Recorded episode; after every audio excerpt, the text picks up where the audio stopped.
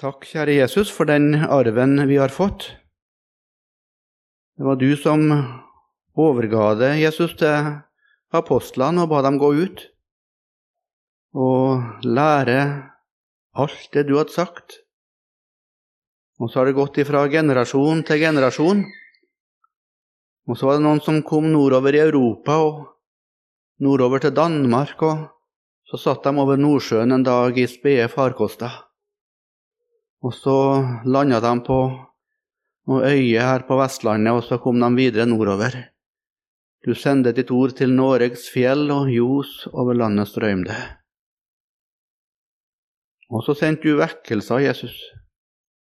Ikke minst her på Sør-Vestlandet, men egentlig i alle landsdeler.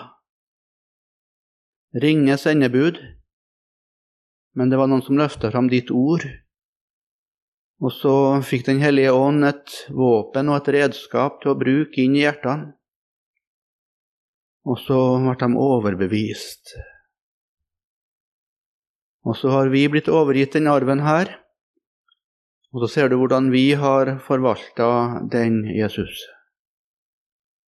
Vi skal alle gjøre regnskap for deg en dag, for det vi fikk til forvaltning.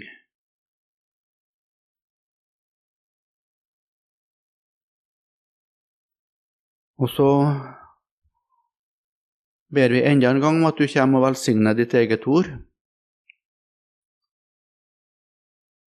Og så må du, Jesus, fordele ordet i kveld. Det kan ikke jeg gjøre. Men du som kjenner alles hjerter, du må fordele ordet, sånn at den enkelte hører og får ta imot akkurat det som den enkelte trenger. Det ber vi om i ditt navn. Amen.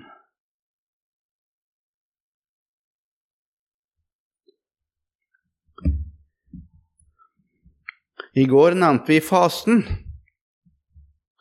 At fasten som det er i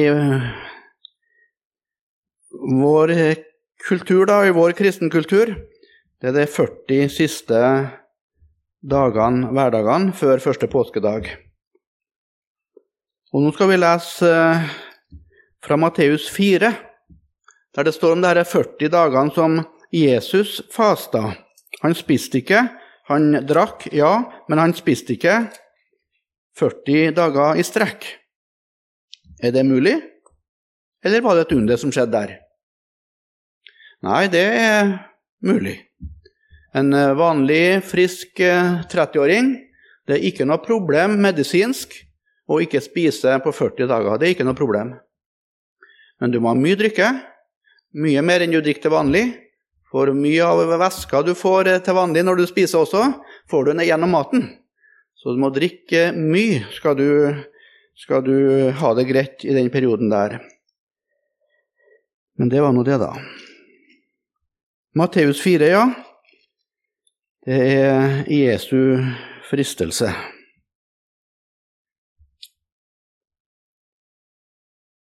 Her leser vi om vår motstander.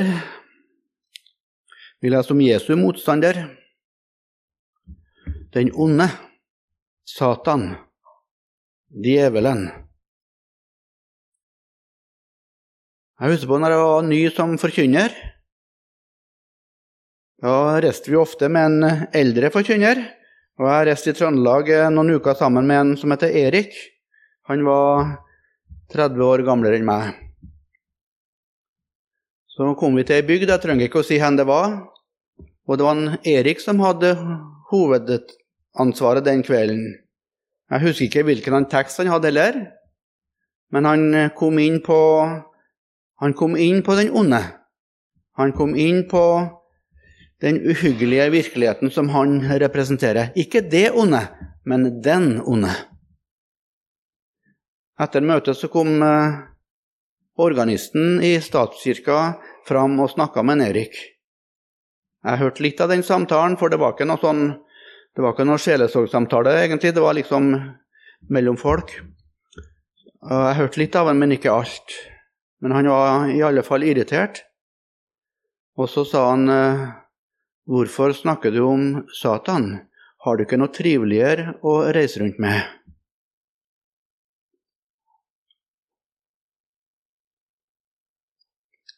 Har du ikke noe triveligere å reise rundt med? Jeg har bare lyst til å si som mitt vitnesbyrd her i dag. Ikke misforstå meg nå, men jeg syns det er veldig, veldig godt å høre om at Bibelen snakker om Satan. Hvorfor da? Jo, hvis Satan ikke fins, hvor kommer da det sataniske fra? Da må jo det sataniske komme fra mennesket, da.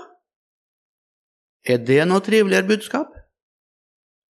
Hvis djevelen ikke finnes, hvorfra kommer djevelskapen? Jeg syns det er fantastisk godt at Bibelen plasserer skylda utom mennesket. Mennesket ble lurt og er ikke uskyldig. Nei, men det begynte ikke her, det begynte der utenom meg. Og fordi jeg ble lurt, så er det håp for meg. Frelsen rekkes meg som en mulighet. Frelsen rekkes ikke Satan. Les Første Mosebok 3. Han får ingen sjanse til å angre.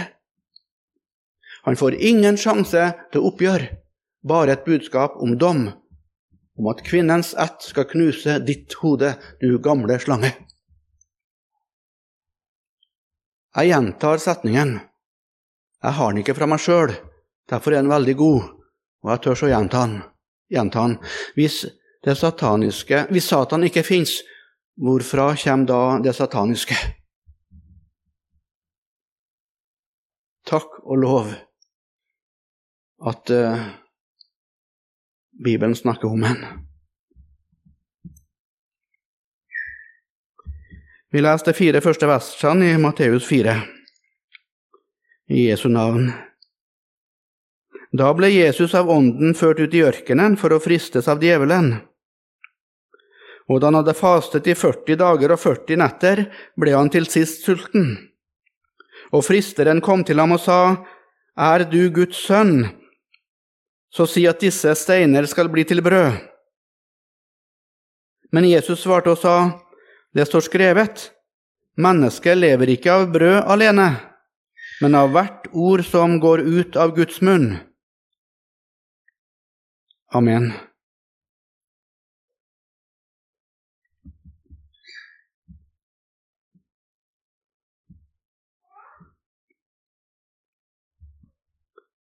Da ble Jesus av Ånden ført ut i ørkenen for å fristes av djevelen.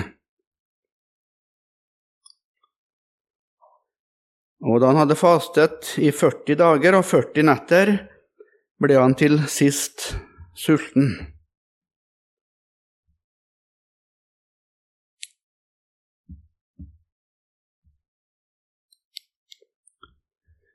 Ordet for å friste og ordet for å prøve, det er både i Gammeltestamentet og Nytestamentet ett og det samme ordet. Så når de som oversetter Bibelen, kommer til det ordet, så må de vurdere da, skal vi skrive 'friste' nå, eller skal vi skrive 'prøve'. Vi oppfatter jo språk litt forskjellig. Og nå spør jeg deg, du som sitter her i kveld, hvordan hører du de to ordene? Er det en forskjell på å friste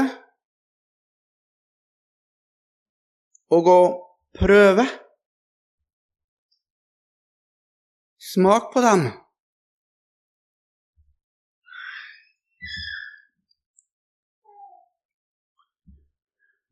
Sånn som vi bruker ordet heim, i alle fall. Kanskje det er forskjellig her Rogaland, men heim så Når vi sier 'friste', så er det en negativ klang i ordet. det er vi fristes til noe vondt. Vi fristes med den hensikt å kanskje falle. Og når vi frister Når det står 'å friste', så er det den vonde som er subjektiv. Som er subjektet. Som er subjektet. Satan frister for å felle. Men når vi bruker ordet 'prøve', så er det et positivt ord, egentlig. Ikke nødvendigvis negativt, i alle fall. Du prøver bremsene på bilen du vurderer å kjøpe. Du tester ut, du sjekker kvaliteten på. Det har ingenting med å friste til fall å gjøre, men du bare sjekker ut om det du har foran deg, er bra. Det er altså samme ordet. Og så tror jeg det er veldig, veldig typisk for den situasjonen som, som vi, vi, kommer opp i, ofte vi mennesker nå, da. Der med fristelse og prøvelse. Vi aner at Satan er her, og han har sin hensikt med prosessen. Men så aner vi også kanskje at Gud er her. Og så vil han bruke det som Satan kanskje setter i gang, han vil bruke det til å teste oss, da. Finne ut om vi vil være hos han eller ikke. Ser du nyansen her? Jeg tror den er ganske, ganske viktig. Og så leser vi om en periode på 40 dager i ørkenen. Kommer du på noe annet som foregikk i ørkenen, og som har med tallet 40 å gjøre? i bibelhistoria. Ikke 40 dager, men 40 Hva for noe, Karoline? Hm? 40 år, ja. Ja, 40 år. Hvem var 40 år i ørkenen? Israelsfolket. De var 40 år i ørkenen. Du som hadde det i tankene dine når jeg spurte 40 år i ørkenen. Du som kom på det, du som har hørt det. Hvor har du hørt det fra? Jo, du har hørt det fra bibelhistoria. Du kunne gi bibelhistorie. Tror du Jesus kunne si bibelhistorie? Tror du han så den linken der?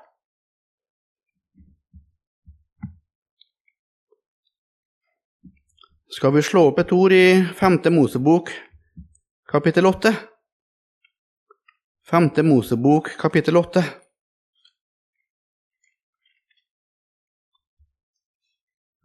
I 5. Mosebok så er israelsfolket ført helt fram til grensa til Israel. De ligger egentlig i ro ganske lenge der på østsida av Jordan. Og så skjer det nesten ingenting i femte Mosebok. Hele boka er en rekke taler av Moses. Formaningstaler, læresamtaler, før folket skal inn i løfteslandet. Og så står det sånn i vers 2. Du skal komme i hu hele den vei Herren din Gud har ført deg i disse 40 år i ørkenen, for å ydmyke deg og prøve deg, og for å kjenne hva som var i ditt hjerte, om du ville holde Hans bud eller ikke.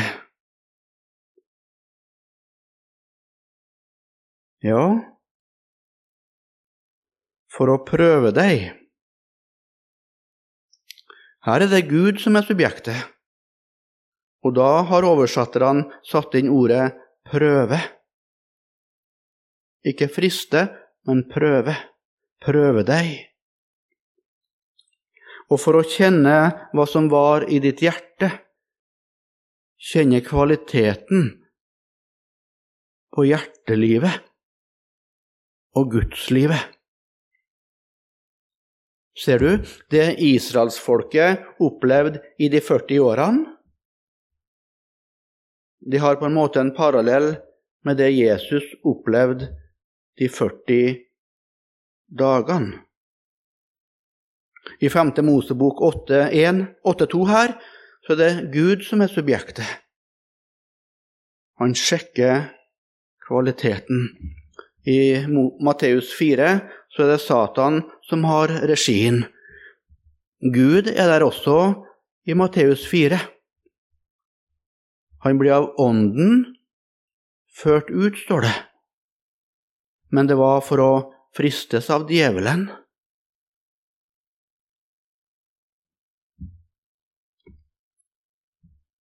Jeg stilte dere spørsmålet om Jesus kunne si bibelhistorie. Ja, det gjorde han. Skal vi lese vers 3 i 5. Mosebok 8?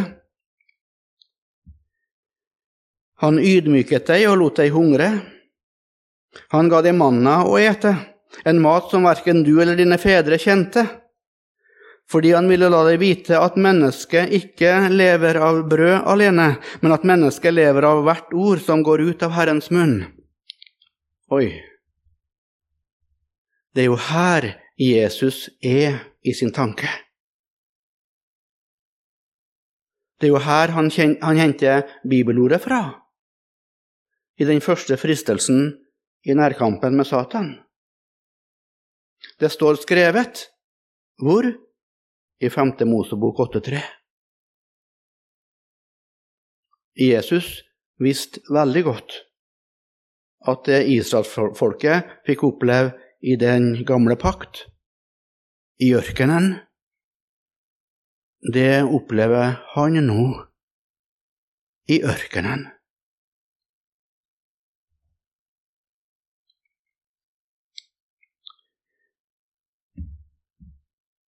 Og Hvis vi nå går tilbake til Matteus 4,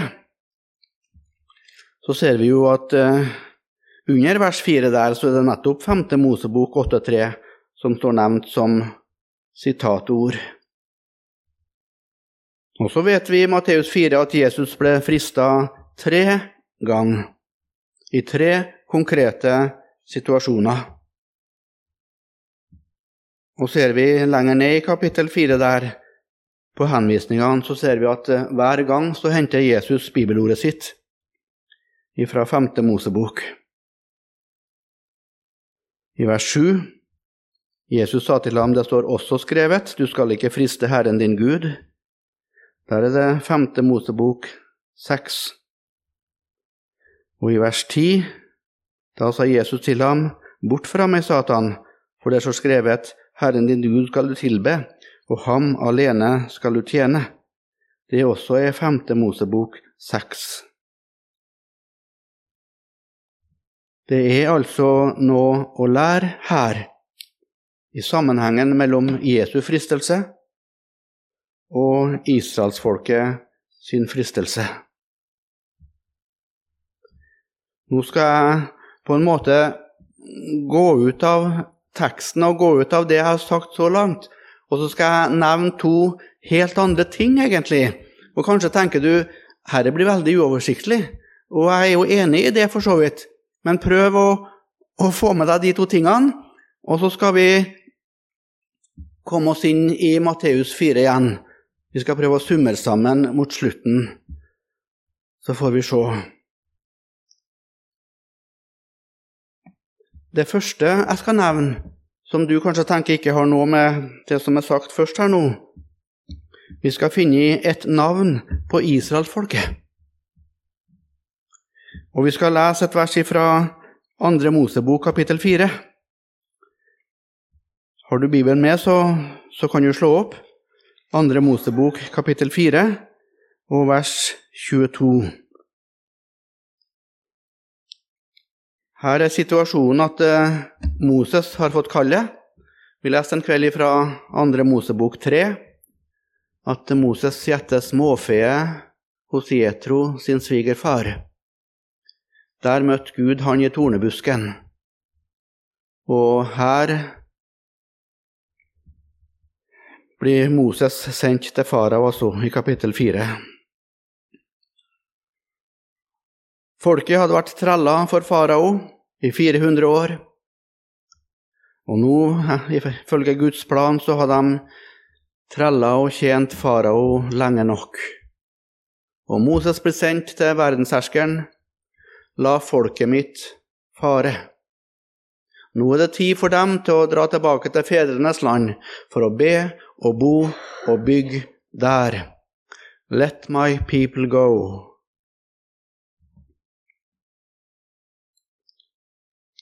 Og vi leser vers 22 og 23. Da skal du si til farao, så sier Herren, min sønn, min førstefødte, er Israel. Jeg sa til deg, la min sønn fare, så han kan tjene meg. Men du, farao, vil ikke la ham fare. Derfor vil jeg nå slå i hjel din sønn, din førstefødte. Her ser vi loven om sæd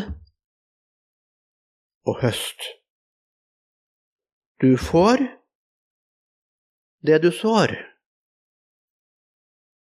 Og Moses advarer farao. Farao, pass deg.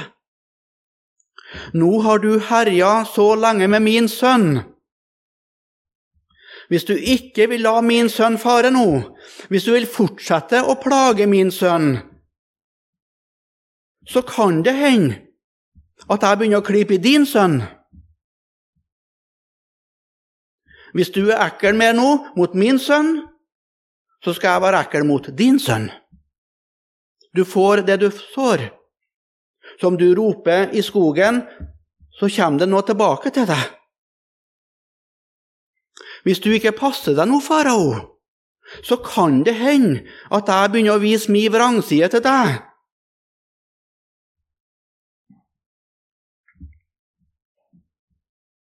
Vi skal ikke gå inn på mer, mer på den veldige tvekampen der, men vi skal gå tilbake til den tittelen som israelsfolket får her.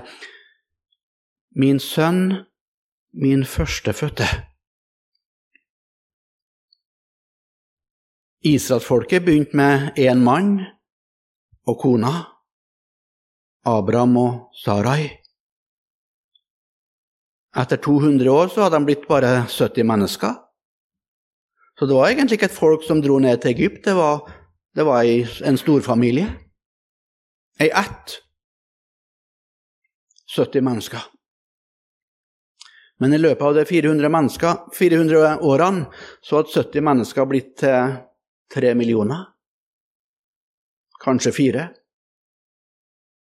Er det mulig? Går det an at 70 mennesker blir til 4 millioner på 400 år? Ja, det går an. Rekten generasjonene på f.eks. 27 år, så finner ut hvor mange barn det må være i hvert ekteskap. Store barneflokker, ja, men det står også at Gud på en spesiell måte velsigna dem disse årene. Det var altså i Egypt de ble et folk. Ei ett kom ned, etter 430 år så er det et folk som drar ut.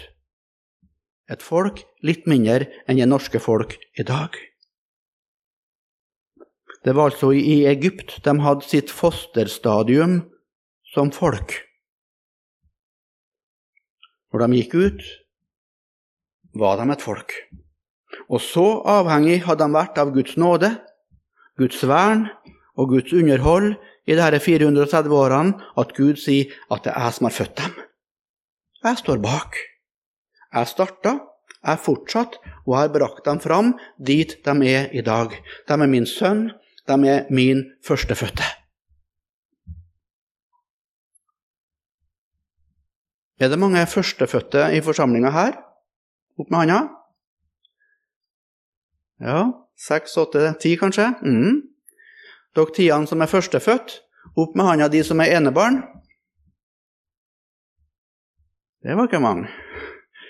Altså, alle de ti førstefødte i forsamlinga opplevde på et eller annet tidspunkt i barndommen at det kom en medarving.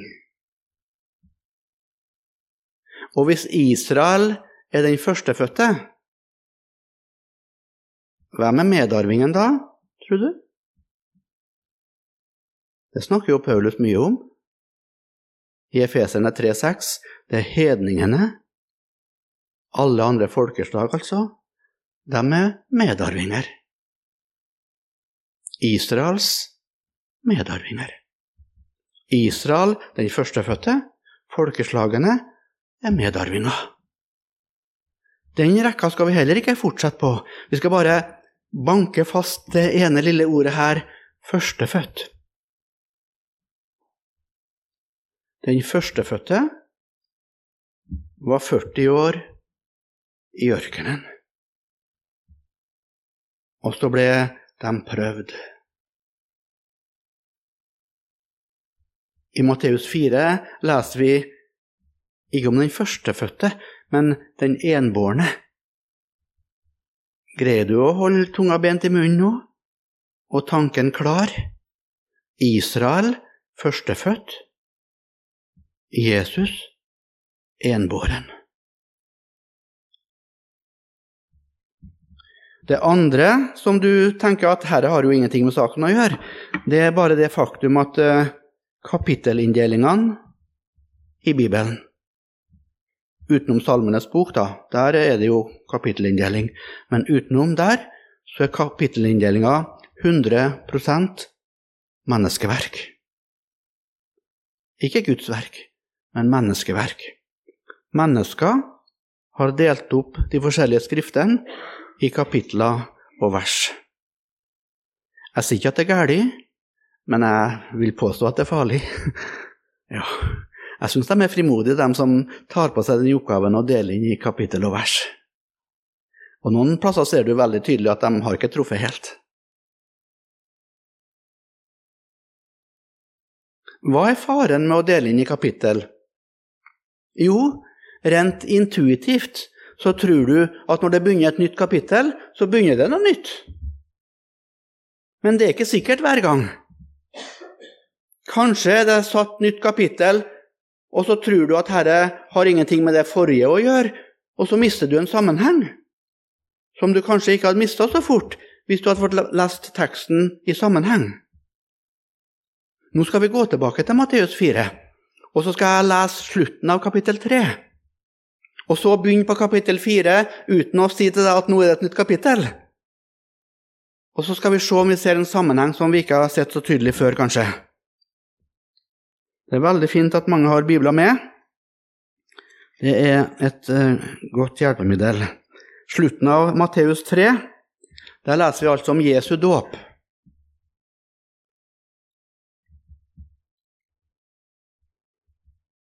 Og Vi leser fra vers 16, og så fortsetter jeg inn i kapittel 4. Da Jesus var blitt døpt, steg han straks opp av vannet, og se, Himmelen åpnet seg for ham, og han så Guds ånd stige ned som en due og komme over ham. Og se, det lød en røst fra himmelen. Dette er min sønn, den elskede. I ham har jeg velbehag. Da ble Jesus av ånden ført ut i ørkenen for å fristes av djevelen. Når ble Jesus av Ånden ført ut i ørkenen for å fristes av djevelen. Når? Med en gang etter at røsten lød fra himmelen. Det var da det skjedde. Da skjedde det. Det var det første som skjedde etter at røsten lød fra himmelen. Da Og i Lukasevangeliet står det 'straks'. Altså umiddelbart etterpå ble Jesus ført ut. Liksom den kraftige røsten fra himmelen. Ekkoet liksom gikk mellom bergskrentene der nede med elva. Det var det siste som ringa i ørene til Jesus. Dette er min sønn, den elskede. I ham har jeg funnet velbehag. Du er min sønn, Jesus. Ta med deg det ut i ørkenens stillhet. Du er min sønn, den elskede. Og så måtte han gå ut. ut i ensomheten, ut i stillheten. Og så så vi at han visste veldig, veldig godt at det jeg går inn i nå, det har skjedd med mitt folk for lenge siden. Ut i ørkenen. Visste han at det var 40 dager? Jeg tror det. Det står ikke spesifikt, men jeg tror han kjente Skriftene så godt at han ante omtrent at det var det. Ingen matpakke med, men han hadde måtte ha hatt tilgang på vann. Det kan være vannhull sjøl om det er ørken og ødemark. Og så var han helt alene. Og så våkna han til den første morgenen. Hvor sov han hen? Det står ikke. Men han fant vel en stein å legge seg bakom, eller et Jeg vet ikke, men han sov ut iallfall. Og så våkner han, og så ser han ut over ørkenen. Og så vet han Herrens førstefødte, Israel. Han fikk manna. Og han hadde jo hørt at han også var sønn. Og så sier han nei, ikke noe manna.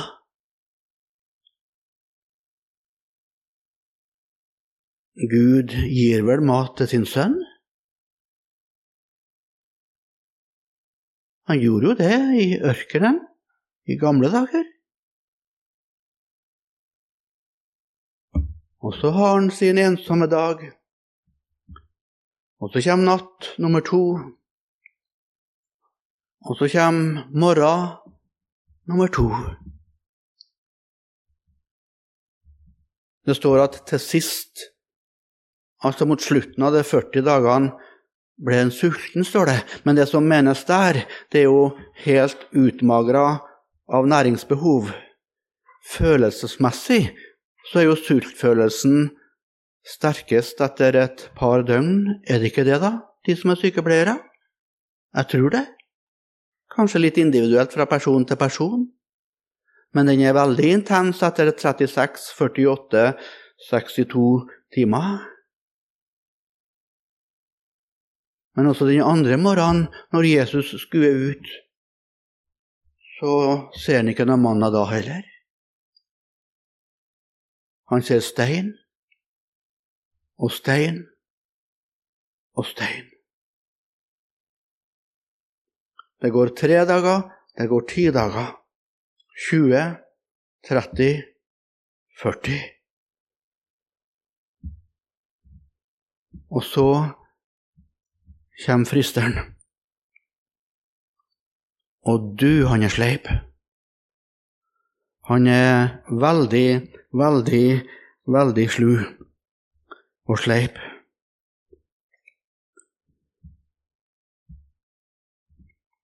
Og det som vi hører tankene til Satan Jeg vet hva du tenker på nå, Jesus. Jeg vet hva du tenker på nå, Jesus. Du mener du hørte noe fra himmelen. Du mener at du hørte ei røst fra himmelen som forsikra om at du var Guds sønn. Men eh, vent lite grann. Er du så sikker på at du hørte rett? Er du så sikker på at eh, du oppfatta rett? Og tenk deg inn i Jesus' sin situasjon, du òg. Her opplever en morgen etter morgen og dag etter dag. Her gikk han altså, som like etterpå, i bergpreka i Matteus 5, 6 og 7, skal lære sine disipler å be Fader vår, gi oss i dag vårt daglige brød. Her går han altså som snart skal si til sine disipler, hvem av dere som er far? Hvem av dere som er far, vil gi sin sønn en stein når han ber om et brød? Eller en slange når han ber om en fisk? Eller en skorpion når han ber om et egg? Det er nå vel ingen det, som er en god, kjærlig far, som ikke vil gi barnet sitt og sønnen sin et brød når barnet er sultent. Men han, som sønn, får ikke brød.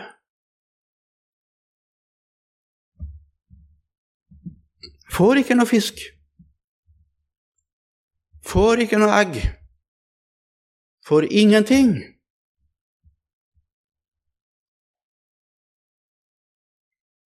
Og så kommer fristeren. Er du Guds sønn? Du blir ikke behandla som Guds sønn, i alle fall. Jeg tror du må ha tatt feil. Jesus, mann deg opp. Mann deg opp. Ta saken i egne hender, og ta skeia i egne hender. Vis meg, Jesus, jeg utfordrer deg. Du har tumla med disse tankene. Er jeg Guds sønn? Og jeg utfordrer deg. Vis din makt. Vis din guddomsmakt. Vis det med å si til disse steinene at de skal bli til brød.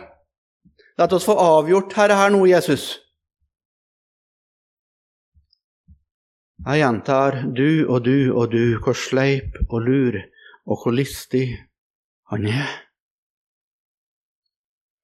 Og så ser vi hvordan Jesus som den siste Adam Han seirer også her, der den første tapt og den første falt.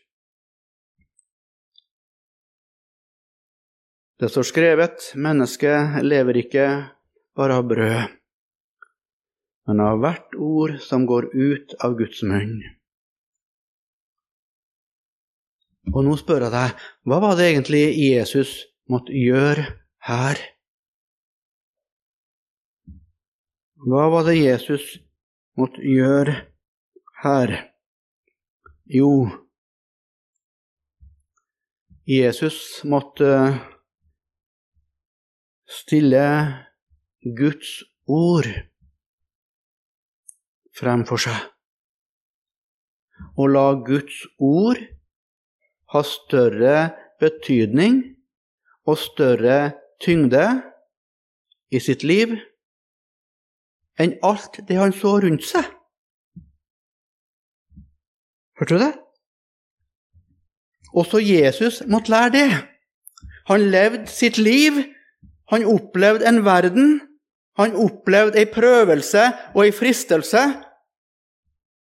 Og all fornuft, egentlig, sa det at det jeg hørt fra himmelen, det budskapet jeg har fått, og som jeg har trodd på fra himmelen, det får ingen støtte i liksom virkeligheten rundt meg. da. Jeg syns ikke at Gudsordet blir bekrefta. Det må være noe som ikke stemmer. Men han måtte altså stille fram for seg, helt enkelt, det han hadde hørt, og så latt det ha større betydning enn alt han så og erfart. Og det er akkurat dette her som er troens vesen og troens kjerne. Kjære troende venn, i dag er det du. Og Skriften er full av eksempel på dem som levde det her troens liv, og det er sagt oss som eksempler og formaning. Adam, som var troens far, han opplevde det samme. Du skal få en sønn, Abraham. Du skal få en sønn. Og så fint. Jeg er 75 år nå, men jeg, jeg har ikke fått en sønn i hele mitt liv. Men eh, hvis du vil gi meg en sønn, far, så er jeg, ja, da er jeg takknemlig. Og så går det ett år, og så går det ti år. Nå er Abraham 85 år. Kona er 75. Og så kommer løftet enda en gang. Du skal få en sønn, Abraham. Og så går det 14 år. Nå er Abraham 99. Og Sara er 89.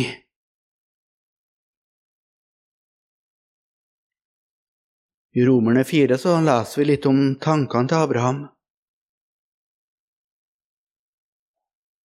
Abraham var ikke dum. Han visste veldig godt at han, hans eget eh, liv hadde tørka ut, på en måte. Saras mors liv var utdødd, han visste det. Han eh, visste at det var noe som het en fruktbar periode og en ikke fruktbar periode. Han visste alle hemmeligheter her, Abraham. Og han visste at hos meg er det ingen menneskelige forutsetninger, egentlig. Det Gud sier, kan, kan ikke stemme ut ifra det naturen forteller oss, i hvert fall. Det var en kamp mellom det han så og erfart, og det ordet han hadde hørt, og løftet han hadde fått. Da prøves trua. Skal jeg tro på det, eller skal jeg tro på det som er fornuftig og logisk?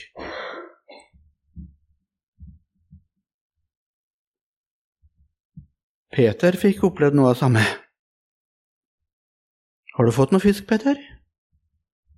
Nei, jeg har ikke fått noe i natt. Peter, ro ut igjen og så kastet du garnet på andre sida av båten. Ser du situasjonen for deg? Vet du, Jeg vet ikke om i himmelen blir det interessant å snakke om jordelivet? Hva tror du? Jeg vet ikke helt. Jeg tror kanskje ikke vi blir så opptatt av jordelivet. Men hvis vi kan minnes jordelivet, og prøvelsene og fristelsene og, og, og seirene og nederlagene Hvis vi skal gjøre det, så tror jeg jeg etter hvert vil få en prat med Peter òg. Hva tenkte du da, Peter?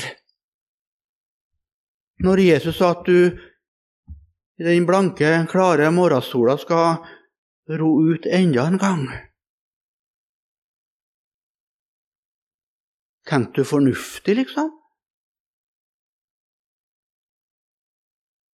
Var det noe protest inni deg? Jesus, du er jo en jeg tror jo du er en flink snekker, men det er jo det som er faget ditt. Og du har jo ikke vokst opp her nede med sjøen, du vokste opp i fjellandsby oppe i Nasaret. Men jeg har, jeg har, jo vokst opp her ved Genesaret, skjønner Jesus. Jeg har rodd fiske all min dag. Og vi ror jo aldri ut om morgenen. Vi setter garnene om kvelden og inn på grunnene. Det er der fisken kommer og beiter om natta. Og det må være om natta, Jesus, for trådene i garnet er ganske grovt. Så det, det blir så fort avslørt i, i morgenslys og i klart vær. Men nå ber det meg om å ro ut og kaste på djupet. I dagslys. Jesus, det, det er ingen her i Kapernaum som gjør det. Men Jesus, Vet du, I dag så skal jeg gjøre noe som jeg aldri har gjort før. Jeg vet at uh, naboene mine vil flire av meg. Og jeg vet at alle fiskerkollegaene mine vil riste på hodet og si at nå rabler det for Peter. Jeg skal gjøre noe i dag, Jesus, som er mot all sunn fornuft. Og imot all oppsamla yrkeserfaring her ved breddene av Genesaretsjøen. Jeg skal gjøre det, men jeg skal gjøre det ene og alene på ditt ord. Fordi du sier det. Jeg syns ikke det er logisk, jeg kan ikke forstå at det er rett. Men fordi du sier det, skal jeg gjøre det. Men husk på Jesus. Nå har du ansvaret. Ser du troen? Stille Guds ord framfor seg som sitt eneste håp.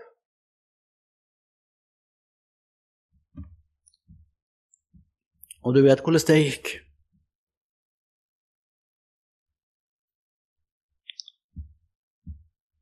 Vi leser om en spedalsk. Ja, det var ti av dem. De ropte til Jesus, kunne ikke nærme seg. Måtte holde avstand. Vi vet hva smitteavstand er nå i dag i Norge.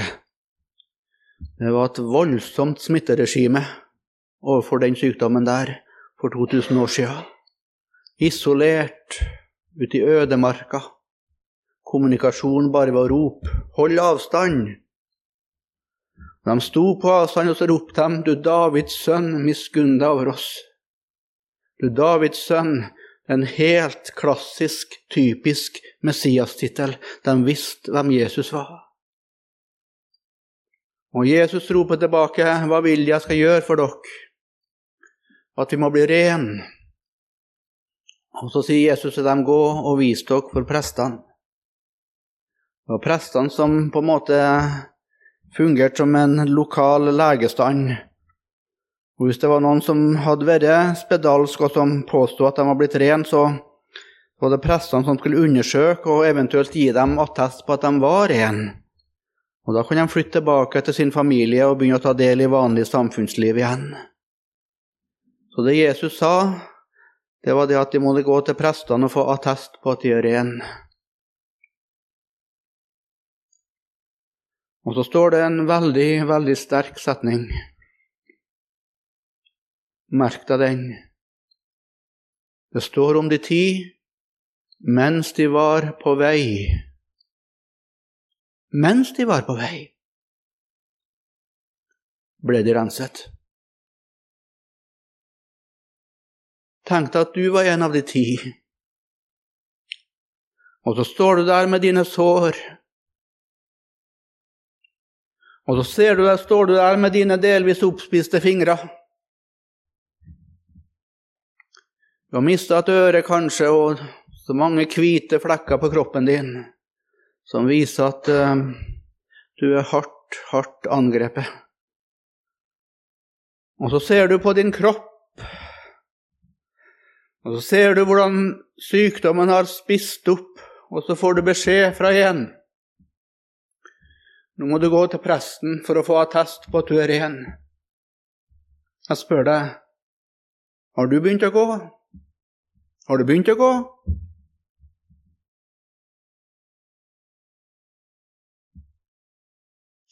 Jeg kan ikke si at jeg begynte å gå. Det er veldig lett i ettertid å si at selvfølgelig har jeg begynt å gå. Jeg sier det ikke.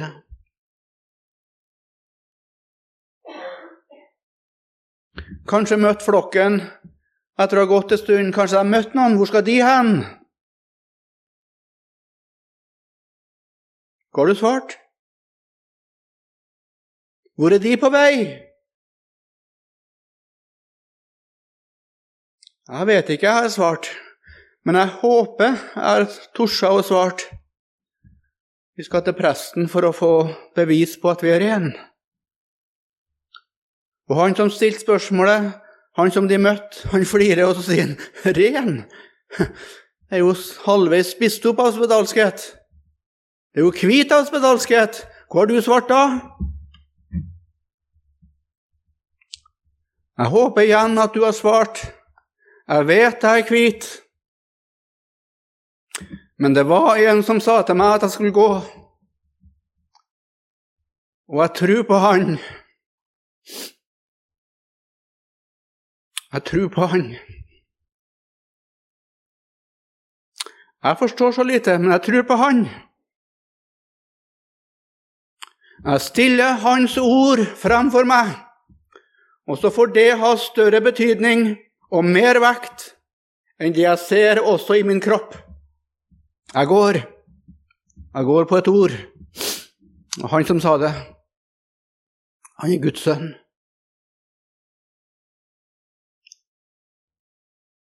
Det er troens liv som går, og som lever med visshet uten å se, men tror.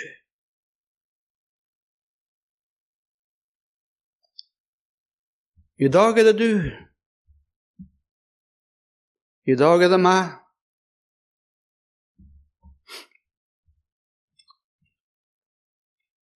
Du leser din bibel, og så leser du det veldige løftet i Matteus 28. Meg er gitt all makt i himmel og på jord. Meg er gitt all makt i himmel og på jord. Og så tenker du ja, det stemmer ikke. Kan ikke stemme.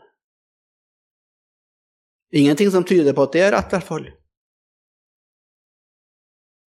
Det som jeg ser i min hverdag, og i min heimbygd, og i min kommune, og i mitt land, det er jo at Jesus får mindre og mer makt.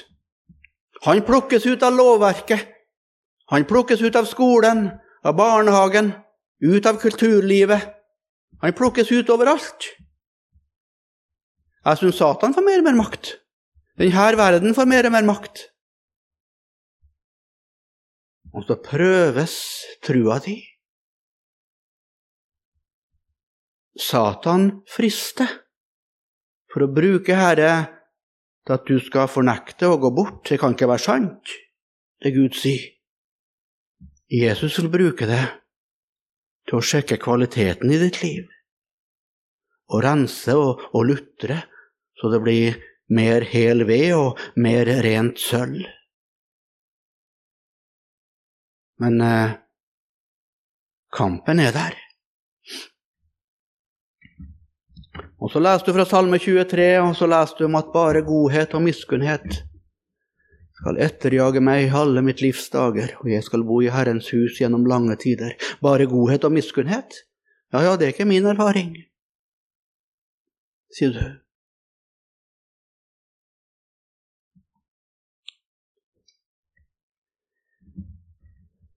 Du har stått ved ei grav. Du har stått ved ei grav der det ligger en person som du synes ble tatt fra deg altfor tidlig. Eller du står ved barnegrav og feller dine tårer. Bare godhet og miskunnhet, det funker ikke for meg, nei. Han har ikke vært sånn mot meg, nei.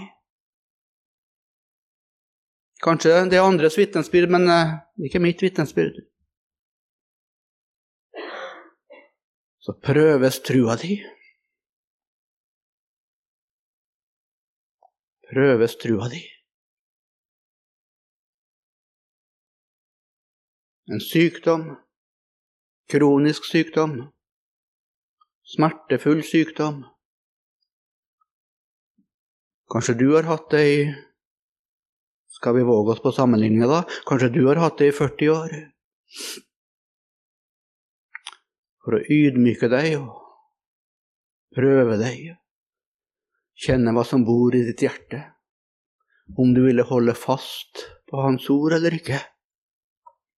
Og så er du der i smerten og i kampen.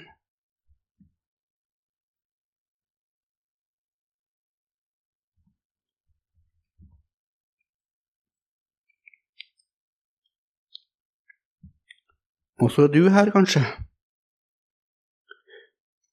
Du ser ikke først og fremst på alt det ytre, men eh, din kamp og din smerte, det er det at du ser så mye rart inni her.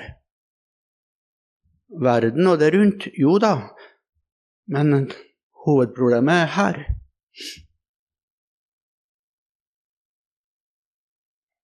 Du har levd med Jesus i så mange år, men du syns eh, at du har kommet veldig, veldig kort på helliggjørelsens vei. Det ble mange nederlag og få seire.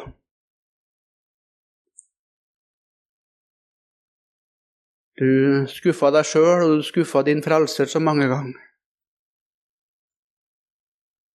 Og synda fikk makt, og verden fikk makt. Og lettsindigheten, den lå så nær ved. Det var så lite alvor i ditt bønneliv, i ditt kristenliv, i ditt åndsliv.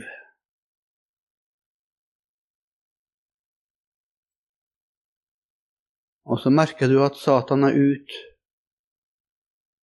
ut etter deg, og sier at det er bare å gi opp. Det er bare falskhet med deg, Kristian. Din overgivelse og din omvendelse har egentlig aldri vært hel. Det har bestandig vært blanda drops i din pose, Kristian. Aldri vært hel ved. Aldri vært et sant oppgjør og et overgitt liv. Så merker du hvor Satan er ute med sine klør og vil ha deg.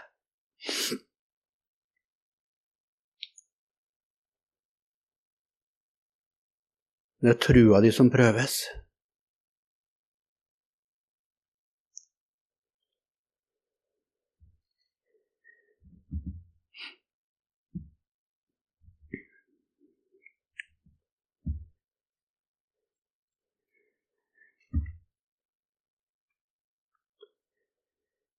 Har du hørt om en Per Nordsletten?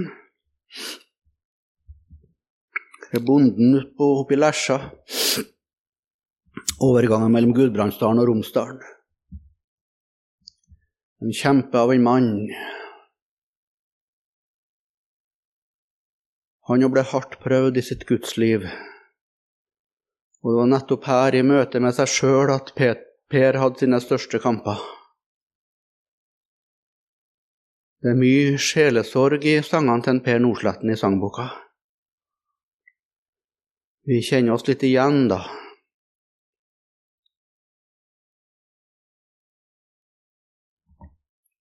I sangen på 461 der er han egentlig ubarmhjertig mot seg sjøl når han skildrer sin tilstand. Og Per sleit med et voldsomt sinne. Når Per ble sint, så ble han farlig både for kjerringa og for bikkja. Og det hendte noen gang at kona sa til ham at nå må du gå ut, Per. Og han gikk gråtende ut mange gang. Og så skriver han her på 461, etter å ha dømt seg veldig, veldig hardt Vi leser vers 3 først, og så vers 4. O min frelser så kjær, kan du slik som jeg er, ta imot meg og feste til brud. Og kan du ha meg kjær, selv så heslig jeg er, da er du en forunderlig Gud. Ser du hvordan han kikker på det rundt seg, og det inni seg? Det er ikke noe mye her som, som vitner om et gudsliv. Det er ikke noe mye her som vitner om et hellig liv. Det er ikke noe mye her som vitner om at det er et, ei ånd som er født av Gud, født til renhet og hellighet. Men så blir det som ei forløsning i vers 4. Ja, ditt ord, sier så. Ser du hva han klynge seg til? Akkurat som Jesus måtte klynge seg til et ord. Han trodde på det. 'Dette er min sønn'. På ditt ord vil jeg kaste garnet, sa Peter. Og de som gikk til presten for å få bevis på at de var ren, de gikk på et ord. Og så Per Nordsletten her òg. Ja, ditt ord sier så at jeg nåde skal få, at du ikke min synd minnes mer. Ditt velsignede blod gir meg nåde og mot til å tro at min brudgom du er. Der var det Per fikk eh, feste sin tillit og sin tru i et ord fra himmelen. Og en vakker, sterk sang som er kanskje enda mer kjent enn denne, da. Det er den sangen 'Ren og rettferdig'. Himmelen verdig er jeg i verdens frelser alt nu. Og så kommer det ordet forkynner. Her har du det igjen. Ordet forkynner. At mine synder kommer han aldri mere i hu. Vet du, det her er troens kamp. For deg og for meg.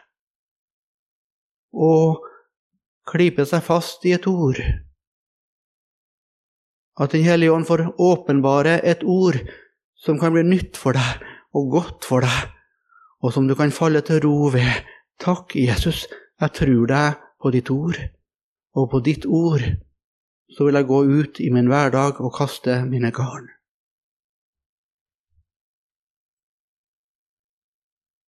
Og jeg har lyst til å si til deg, du som ikke har noe annet ord enn evangeliet, du som ikke har noe annet trøst enn det Gud har sagt deg i sitt ord, jeg har lyst til å rope ut over deg. Du er min sønn. Du er min datter. Den elskede. I deg har jeg funnet velbehag.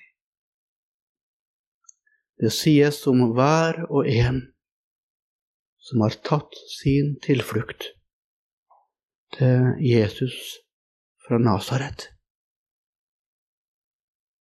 Du er Guds barn, Guds sønn, Guds datter, den elskede. Skal vi be?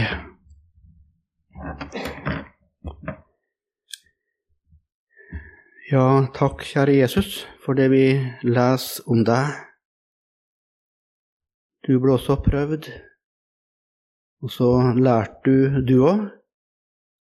å høre og ta imot og tro det som ble sagt deg fra himmelen.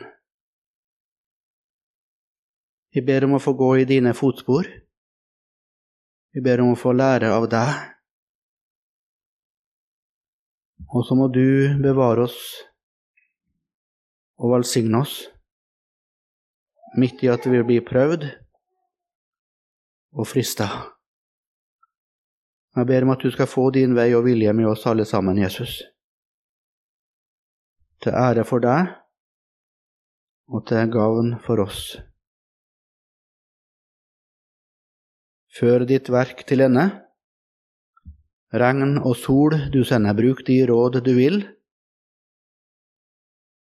Blott du så oss fører, at til sist oss hører himmelriket til. Vi ber om det i ditt navn. Amen.